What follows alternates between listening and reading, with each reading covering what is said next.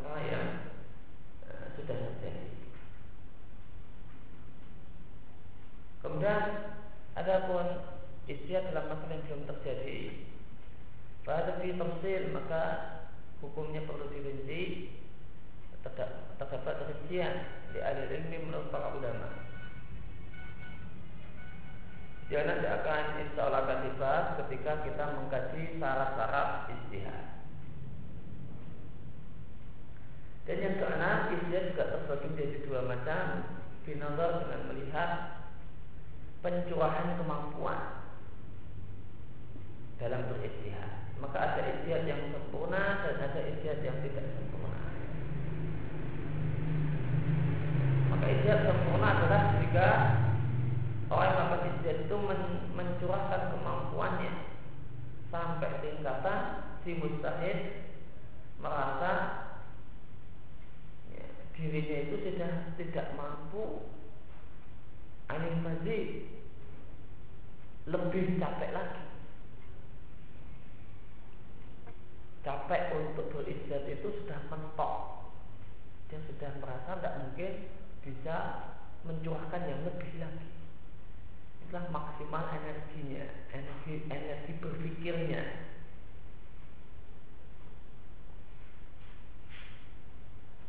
Kemudian istihad nakis adalah istihad yang tidak sampai derajat seperti itu.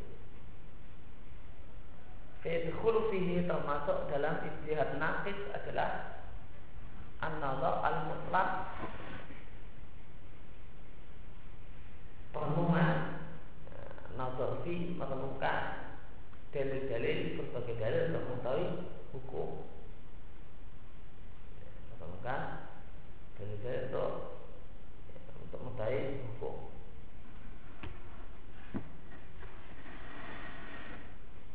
Ketika seorang itu membaca ayat atau membaca hadis kemudian direnungkan hukum yang dikandung di dalamnya dia melakukan istihad. Namun istihadnya istihad nasib kalau istihad tam orang itu membahas satu masalah ya, dan dia kumpulkan semua bahannya setelah dia bongkar semua isi perpustakaannya ya, setelah dia pokoknya semua yang kira-kira berkaitan dengan perkara yang dia bahas setelah dia kumpulkan dan dia sudah mentok nggak mungkin nambah mendapatkan bahan yang lebih lagi. Sudah mentok. Kemudian dia melihat dalil-dalil yang menjadi masalah tersebut. Kemudian dia membuat kesimpulan.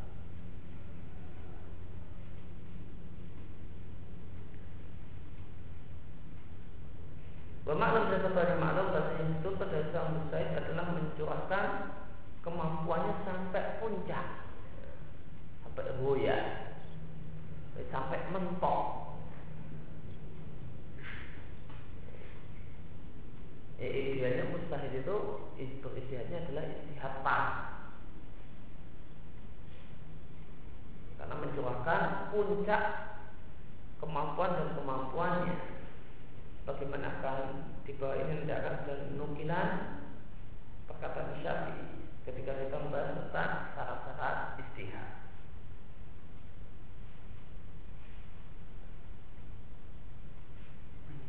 today.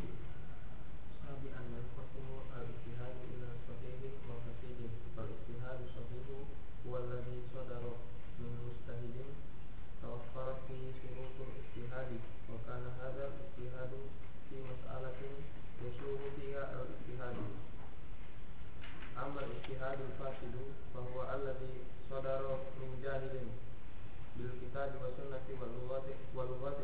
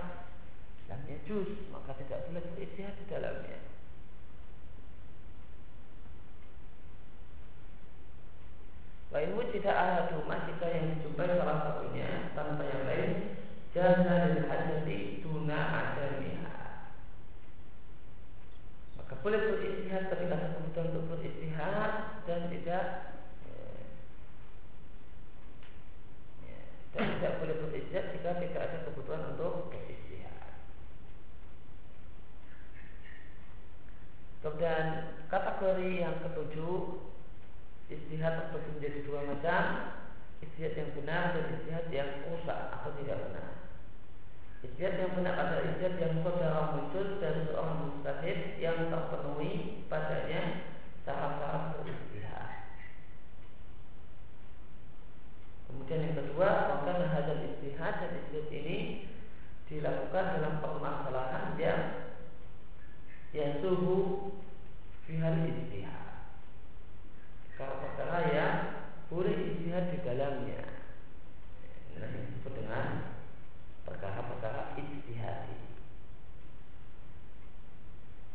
Kemudian ada pun ijtihad yang fasid adalah ijtihad yang muncul dari orang yang bodoh. Tidak ngerti tentang Quran dan Sunnah dan bahasa Arab dan belum terpenuhi pada dirinya syarat-syarat beristihad. Namun dia nikah saya beristihad. Yang kedua, Al-Sadar atau masjid dari seorang mustahid ahlin yang punya kapabilitas.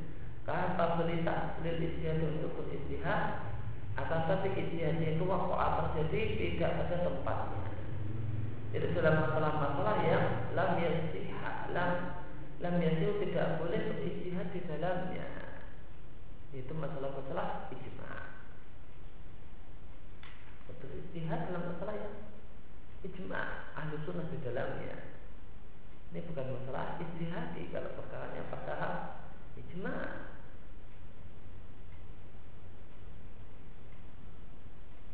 Ibnu Ibnu Qudamah Ba'da zikri setelah beliau menyebutkan perkataan para salaf, para sahabat yang mencela pendapat.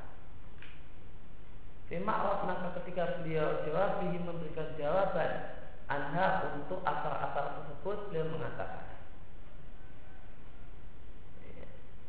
Ada ini perkataan-perkataan minum dari mereka ini adalah celaan bagi orang yang menggunakan pendapat dan kias tidak pada tempatnya. Bukan masalah istihadi, namun memakai ra'yu. Masalahnya masalah ijma, namun masih menggunakan pendapat. Aubiduni syatihi Atau Tidak memenuhi syarat untuk Mengeluarkan rakyu Belum memenuhi syarat Seorang mustahil.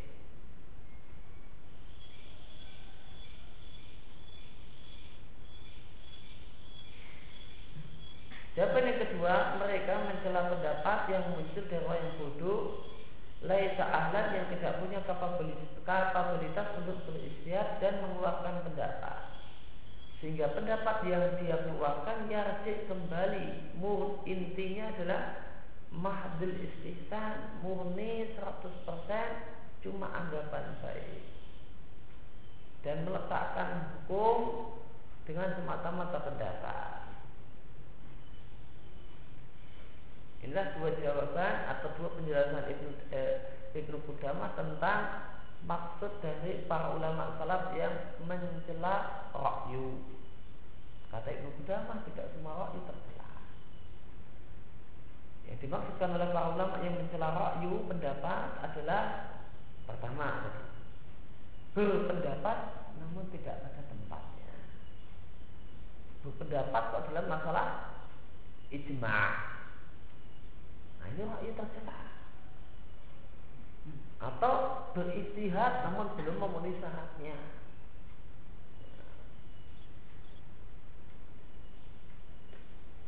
Yang lebih parah lagi beristihad dari orang yang bodoh. Kalau cuma orang yang belum memenuhi syarat kan boleh jadi gagak pinter. Namun belum memenuhi syarat. Kalau bodoh itu sama sekali memang tidak punya syarat. Kalau memenuhi syarat itu baru punya satu atau dua kriteria. Satu kriterianya ada sekian. Nah inilah berpendapat yang tercela. Inilah pendapat yang tercela kata Ibu Udama.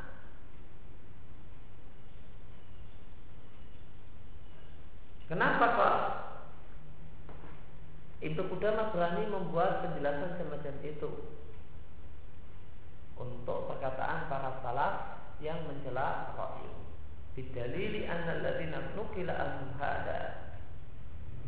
Dalilnya adalah orang-orang yang dinukil dari mereka perkataan semacam ini celaan terhadap ra'yu. Humul ladzi nukila anhum al Mereka itu pula lah dinukil dari mereka al qawlu birai berkata-kata dengan pendapat dan istihad. Nyatanya orang-orang yang mencela rakyu tersebut adalah orang-orang yang beristihad. Nah, kalau dia beristihad kan berarti memakai rakyu juga. Maka ini bukannya mereka bertentangan satu waktu mereka bersedia, di satu waktu mencela rakyu. Ini bukan bukan perkataan mereka ini adalah orang yang kontradiksi atau kontradiktif. Akan tapi karena yang dimaksud rakyu yang mereka celah itu adalah bukan rakyu yang mereka pakai. Rakyu yang mereka pakai adalah rakyu yang berdasarkan dalil itulah istihad. Nah rakyu yang mereka celah adalah rakyu yang murni rakyu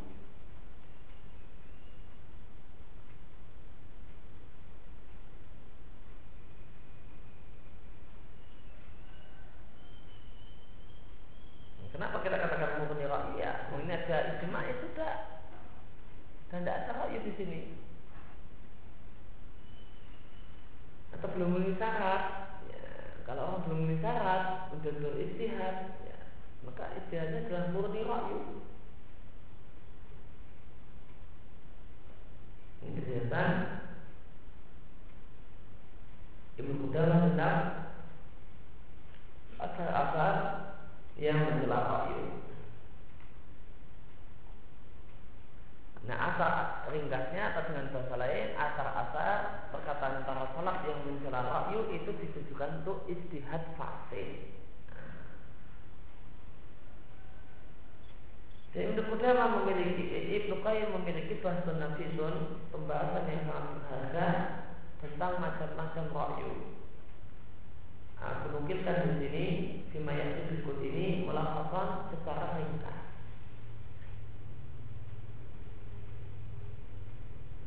Ini.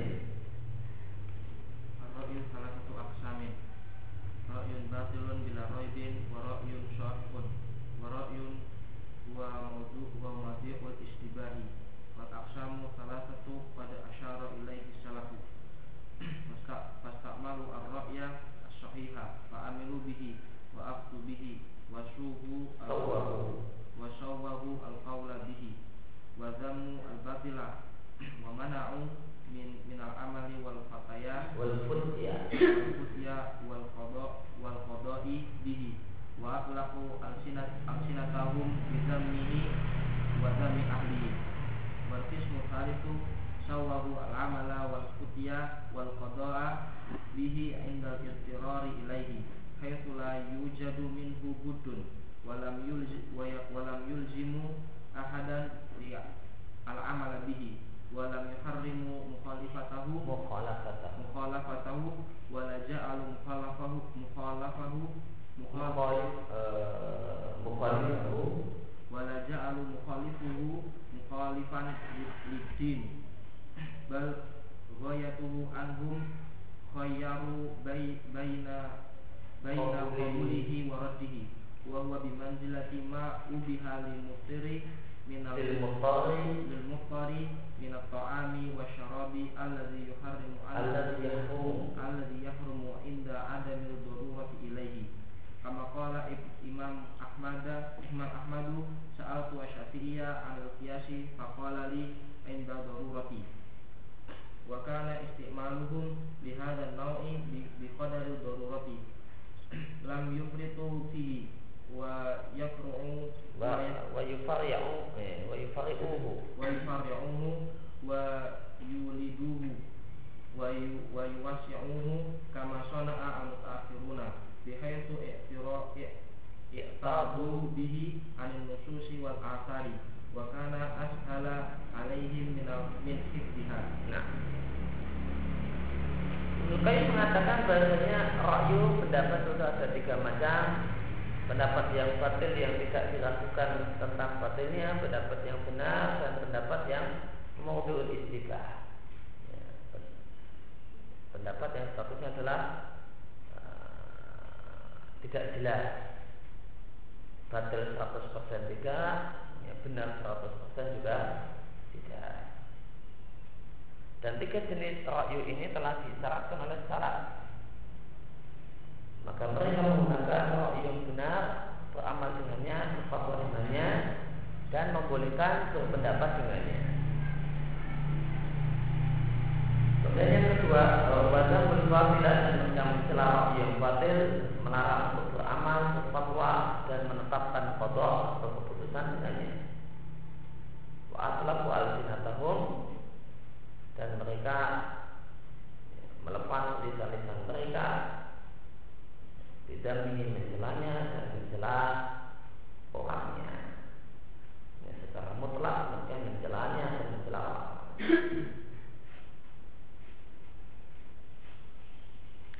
Sedangkan macam yang ketiga mereka bolehkan beramal, berfatwa dan menetapkan kodok keputusan ya, keputusan pengadilan dengannya hingga istirar ini pada saat terpaksa Artinya lain jaga minum budun tidak boleh juga. Lain jaga tidak dijumpai darinya budun. Ya, kemungkinan yang lain harus. Namun mereka tidak memaksa orang lain untuk beramal dengan pendapat tersebut. Dan mereka tidak mengharam-haramkan orang lain untuk menyelisih pendapat itu dan mereka tidak menjadikan orang yang menyelisihinya dinilai berarti menyelisih agama. Bahkan maksimalnya mereka memberikan pilihan antara menerima pendapat tersebut atau. Bahwa memang jadi maka pendapat ini memang jadi statusnya seperti mau pihak dan mutali hal yang dibolehkan orang yang terpaksa makanan dan minuman yang digunakan untuk orang yang terpaksa. Yang makanan dan minuman ini hukumnya haram ketika tidak terpaksa. Imam Ahmad bertanya kepada Imam Syafi'i tentang kapan boleh memakai kias. Maka Imam Syafi'i mengatakan indah darurat ketika terpaksa.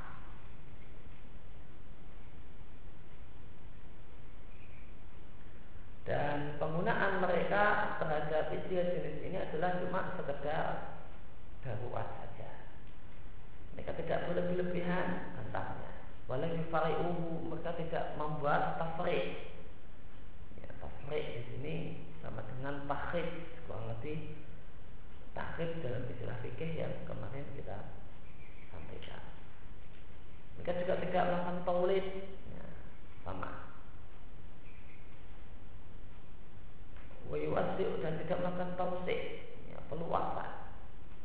Ya, tafrid, taulid, tausik. Nah, takhid sama aja maknanya sama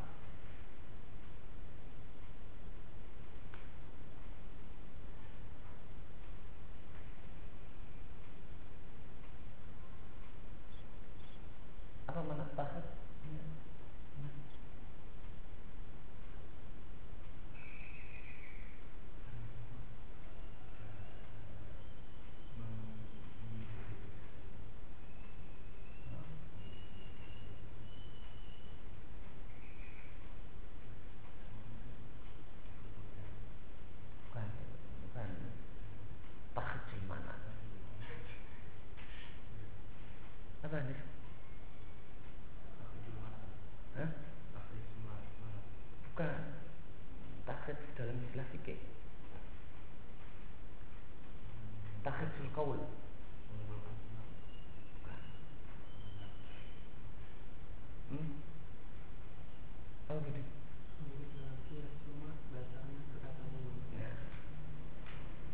kias namun kias apa kaul imam itu disebut tafrik disebut takhrim Ke mana al mutaakhirun ini kelakuan ini yang dilakukan oleh ulama-ulama belakangan Mereka yang melakukan takhir e, tafrik untuk perkataan atau pendapat iman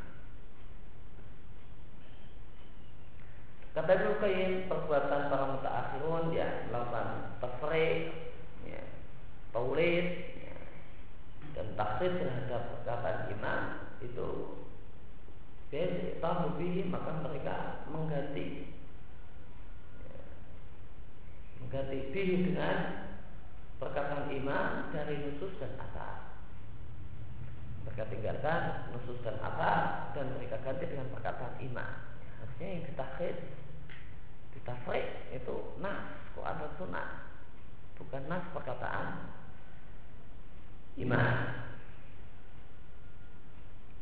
bukan asal ini dan itu nusus uh, asal nusus dan itu lebih mudah bagi mereka daripada menghafal perkataan imam dan tafriknya.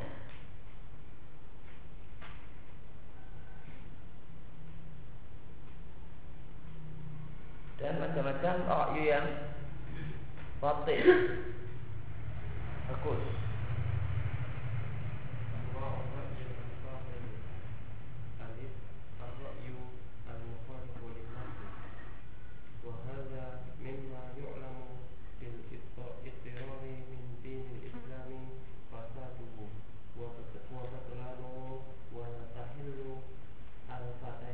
فتيا فتيا به ولا القضاء ولا القضاء وإن وقع فيه من وقع في نوع تأويل وتقليد. بأ الكلام في الدين بالخاص. بالخرص والظن. مع التفريط والتقصير. في معرفة النصوص وفهمه وفهمها واستنباط الأحكام منها. فإن فإن من سهل النصوص وقاسى في رأي في رأيه من غير نظر إليها فقد وقع في الرأي المذموم الباطل جم الرأي المتضمن تعطيل أسماء الرب وصفاته وأفعاله بالمقاييس الباطلة التي وضعها أهل البدع والضلال. حيث استعملوا قياس والضلال. والضلال. والضلال. والضلال. حيث استعملوا قياس حيث حيث استعمال استعملوا قياسات قياساتهم. قياساتهم. قياساتهم الفاسدة. الفاسدة. الفاسدة. وآراءهم الباطلة وشبههم وشبههم في رد النصوص الصحيحة الصريحة. فقبلوا هذه فقبلوا هذه النصوص بالتحريف والتأويل. وقبلوا بالتكذيب معاني النصوص التي لم يجدوا إلى رد ألفاظها سبيلا. dan الرأي الذي أحدثت به البدع وغيرت به السنن وعم به البلاء.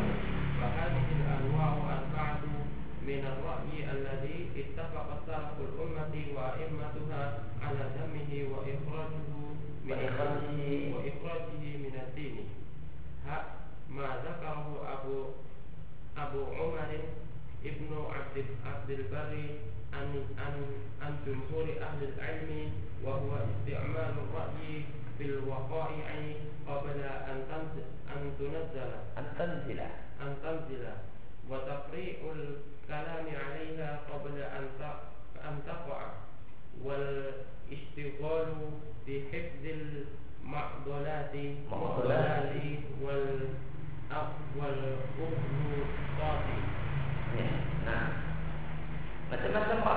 Batil yang pertama adalah ra'i yang menyelisih nas. Ya, misalnya nas mengatakan ya, mengharamkan riba fadl ada sebagian ulama hmm, yang membolehkan riba fadl. Ini adalah ra'i yang menyelisih nas Maka rakyat semacam ini yu'lam diketahui secara pasti dalam ajaran Islam adalah rakyat yang fasid, rakyat yang batil tidak boleh berfatwa dengannya dan tidak boleh kotor dengannya. Kotor itu masalah pengadilan. Wa in fihi man meskipun terjumus di dalamnya orang-orang yang terjumus di dalamnya. Binomi takwilin wa taklidin Boleh jadi karena ya, Satu tak- takwil Atau taklid kalau itu terjumus dilakukan oleh para ulama, ya maka kita yakini mereka melakukan ini tidak sengaja, namun karena nau'na takwil. Ada ulama yang memberikan fadl. Ada ulama yang tidak menerima adanya khiyar majelis dalam jual beli. Ya, padahal dalilnya tegas menunjukkan adanya. Dan jika dia bukan ulama, maka ya dia terjumus dalam hal ini karena taklid. Kemudian yang kedua berbicara tentang masalah agama dengan nebak-nebak dan prasangka diiringi tafsir kecerobohan watak dan kecerobohan dalam mengetahui nas dalil dan memahami dan menyimpulkan hukum darinya. Maka siapa yang tidak mengetahui nas lalu dia melakukan kias dengan rakyunya tanpa melihat nusus maka dia terjumus dalam ra'i yang tercela dan batil.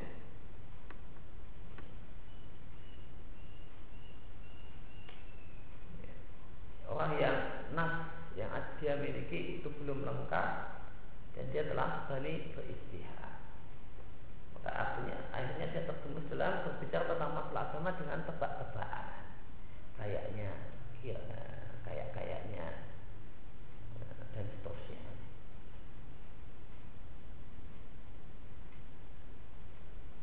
Keciri e, ciri yang bak ini ya kalimat kayaknya. Ya. dan kayaknya di sini bukan bukan keluar dari seorang ulama. Kalau kayaknya akan tapi keluar dari ulama itu ya, lain.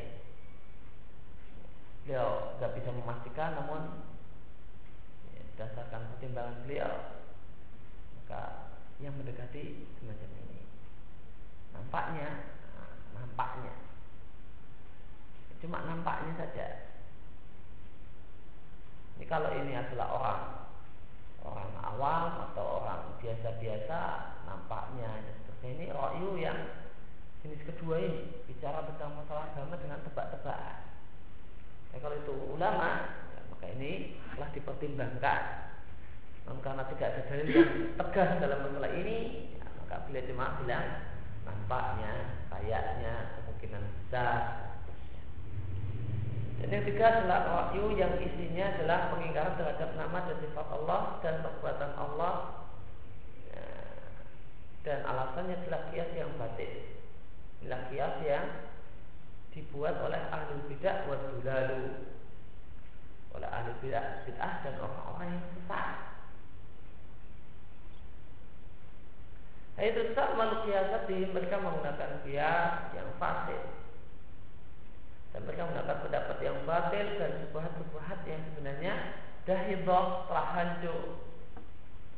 Untuk menolak nas-nas yang sahih dan sahih yang tegas. Maka mereka sikapi nas-nas ini dengan mereka otak atik dan mereka takwil. Dan mereka sikapi dengan mereka dustakan makna-makna nas ketika mereka tidak jumpai jalan untuk menolak lafaznya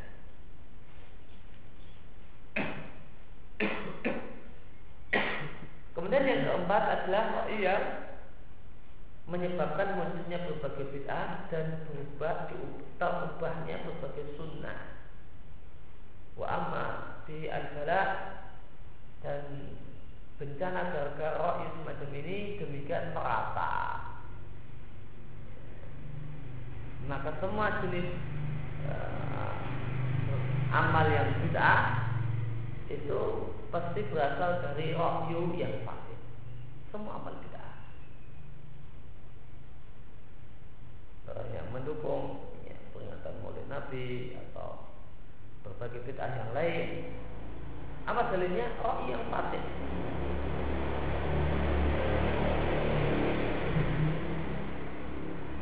Nah kata Ibnu Qayyim empat jenis ro'i ini adalah ro'i yang disepakati oleh salah umat dan oleh para imam sebagai roh yang tercela dan dikeluarkan dari agama. Adalah roh yang tidak dibenarkan oleh agama. Kemudian bisa ditambahkan yang kelima adalah rohyu jenis roh yang disebutkan oleh Abu Umar itulah punyanya Ibn Abdul Bar imamnya Andalus yang berkatakan ada pendapat jumhur ulama yaitu menggunakan pendapat dalam kasus-kasus yang belum terjadi. Watafriqul kalam dan bicara panjang lebar tentang kasus tersebut sebelum terjadinya. Wal dan menyibukkan diri untuk menghafal al-mu'dalah wal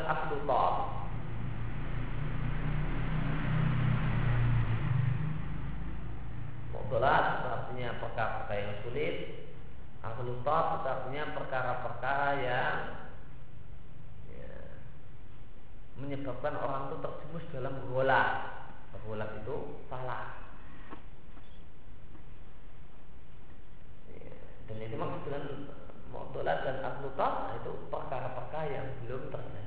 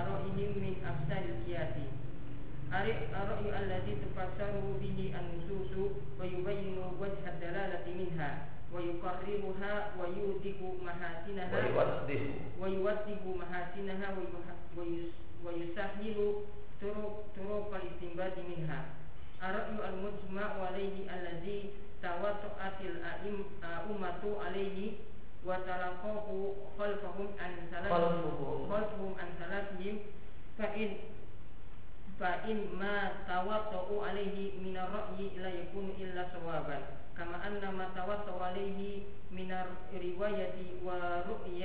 la yakun illa sawaban Ar-ra'yu alladhi yakunu ba'da talabi ilmi al-waqi'ati min al-Qur'ani fa illam yajidha fil Qur'ani fa fi sunnati. Fa illam yajidha fi sunnati fa bima qad bihi al-khulafa'u ar-rasiduna aw isnani minhum aw wahid aw wahidun. Fa illam yajidhu fa bima qalahu wahidun min as-sahabati radhiyallahu anhum fa illam yajidhu istahada ra'yuhu. Istahada ra'yuhu istahada istahada ra'yahu است- استهد است- استهد رأيه ونظر إلى أقرب ذلك من كتاب الله وسنة رسوله صلى الله عليه وسلم وأقضية أصحابه فهذا هو الرأي الذي صوبه الصحابة واستعملوه وأقر بعضهم بعضهم بعضا عليه Pertama adalah ra'i sahabat Bahkan ra'i sahabat ini diperselisihkan Apakah hujah Ataukah tidak Maka bagaimana mungkin kita katakan sebagai ra'i yang tercela Karena kehujahannya aja Diperselisihkan.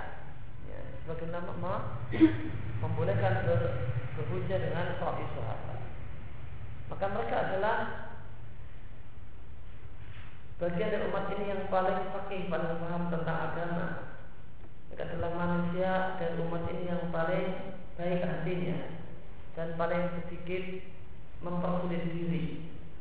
Mereka mereka menyaksikan tanzil, menyaksikan turunnya Al-Quran, mereka mengetahui tafsirnya, maksudnya dan mereka paham maksud syariat.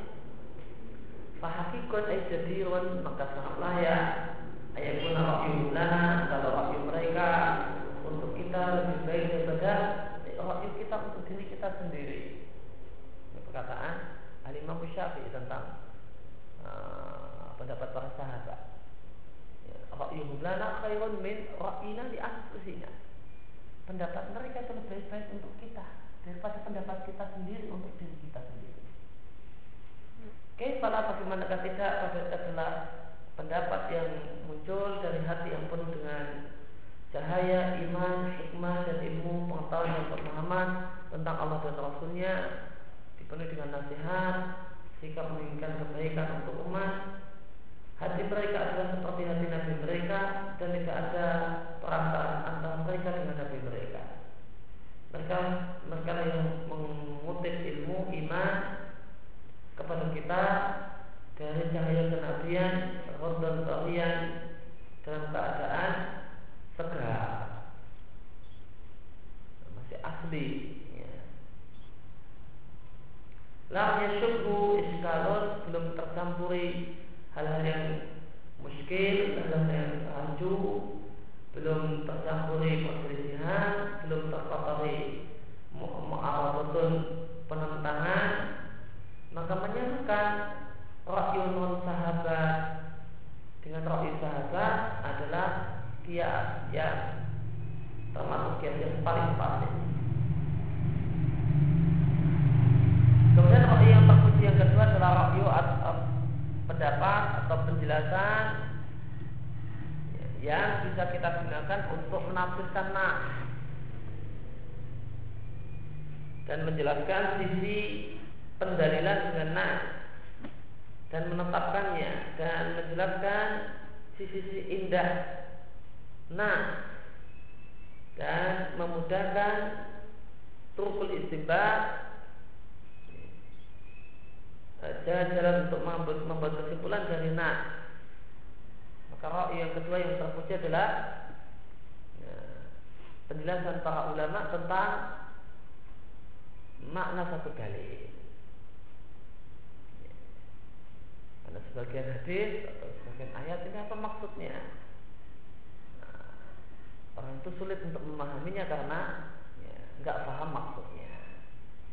Kalau ulama ulama menjelaskan dengan makna ijmali, oh ini tuh gini gini gini gini gini, oh maka kita paham. Tidak ada yang. Kemudian yang ketiga adalah ra'yi yang diijma'i, ulama ijma' dengan ra'yi tersebut. Tawafu'at sepakat al umat dengan pendapat ini dan ulama yang belakangan menerima ra'yi ini dari yang terdahulu. Maka perkara yang mereka umat Islam sepakat dengannya Ra'yi yang mereka sepakat dengannya tidaklah mungkin kecuali benar Bagaimana riwayat yang mereka sepakat untuk menerimanya Dan mimpi yang mereka sepakat untuk menerimanya Tidaklah mungkin kecuali benar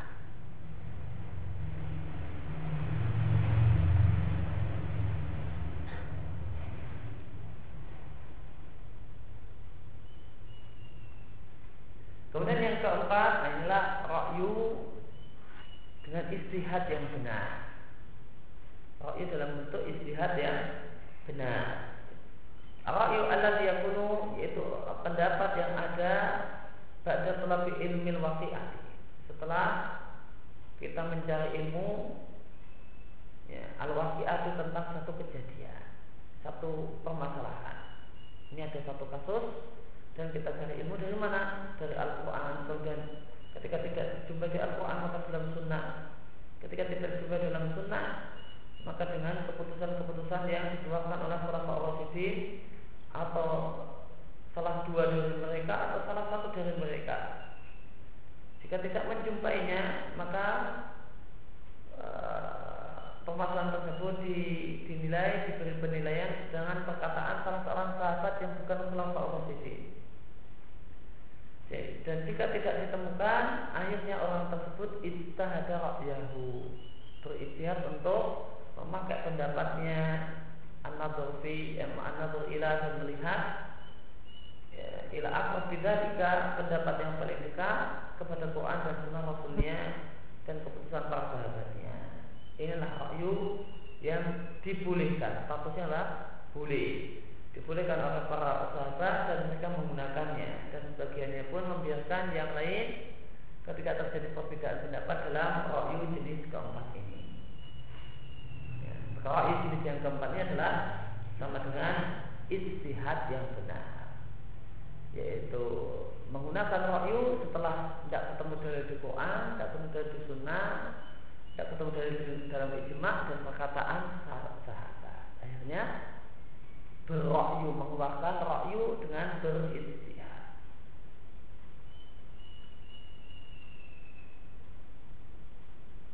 Namun status rokyu semacam ini adalah rokyu yang boleh. Beda dengan mengambil rokyu yang mujma' alaih. Apa hukum mengambil rokyu yang mujma' alaih? Wajib. Ya, ya kan? Atau mengambil rokyu sahabat menurut ulama yang mengatakan sahabat adalah hujah mengambil rokyu sahabat Wajib. Bukan boleh, namun wajib. Kalau yang menjelaskan nas Quran dan sunnah bahasanya bahasanya menurut bahasa hadis menurut kita jelimet sulit dipahami. Namun ketika dijelaskan dengan bahasa lain oleh oleh ulama ya dijelaskan dengan bahasa yang lain yang sederhana untuk bisa paham. maka penjelasan ulama tentang untuk oh, tentang maksud satu hadis untuk orang yang nggak bisa memahaminya dengan langsung ya harus kalau enggak nanti tidak paham tapi kalau wahyu jenis keempat itu cuma statusnya boleh ya, diperbolehkan Karena ini masalah wahyu istihadi. Ya, maka ini statusnya adalah jaizul itiba. Ya.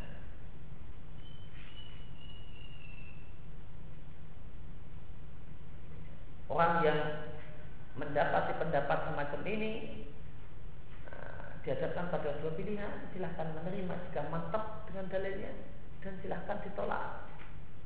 Jika tidak merasa puas dengan dalilnya. Dan orang yang berbeda pendapat dengan kita dalam masalah semacam ini tidak kita katakan orangnya adalah orang yang menyelisih agama.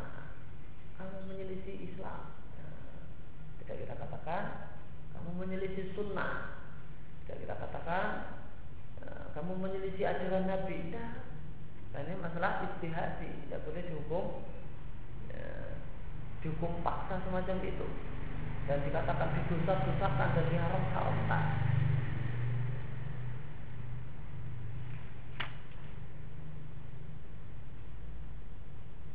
Ya, demikian yang kita berkesempatan bagi Hindu Sallallahu warahmatullahi wabarakatuh.